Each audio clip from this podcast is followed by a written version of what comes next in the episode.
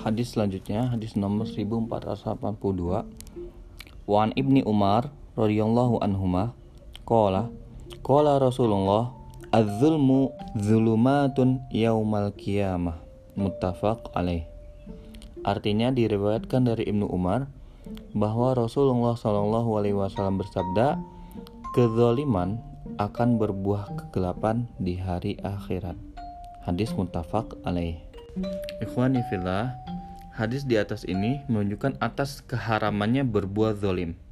Ini mencakup semua jenis kezoliman, baik mengenai diri, harta, ataupun kehormatan orang mukminin, kafir, atau orang fasik. Karena kezoliman itu akan berbuah kegelapan di kala hari kiamat. Jadi dalam hadis ini Rasulullah SAW mengingatkan kita atau melarang kita untuk berbuat dolim kepada siapa pun karena akan berbuah hal-hal yang tidak baik di hari kiamat. Wallahu a'lam bishawab.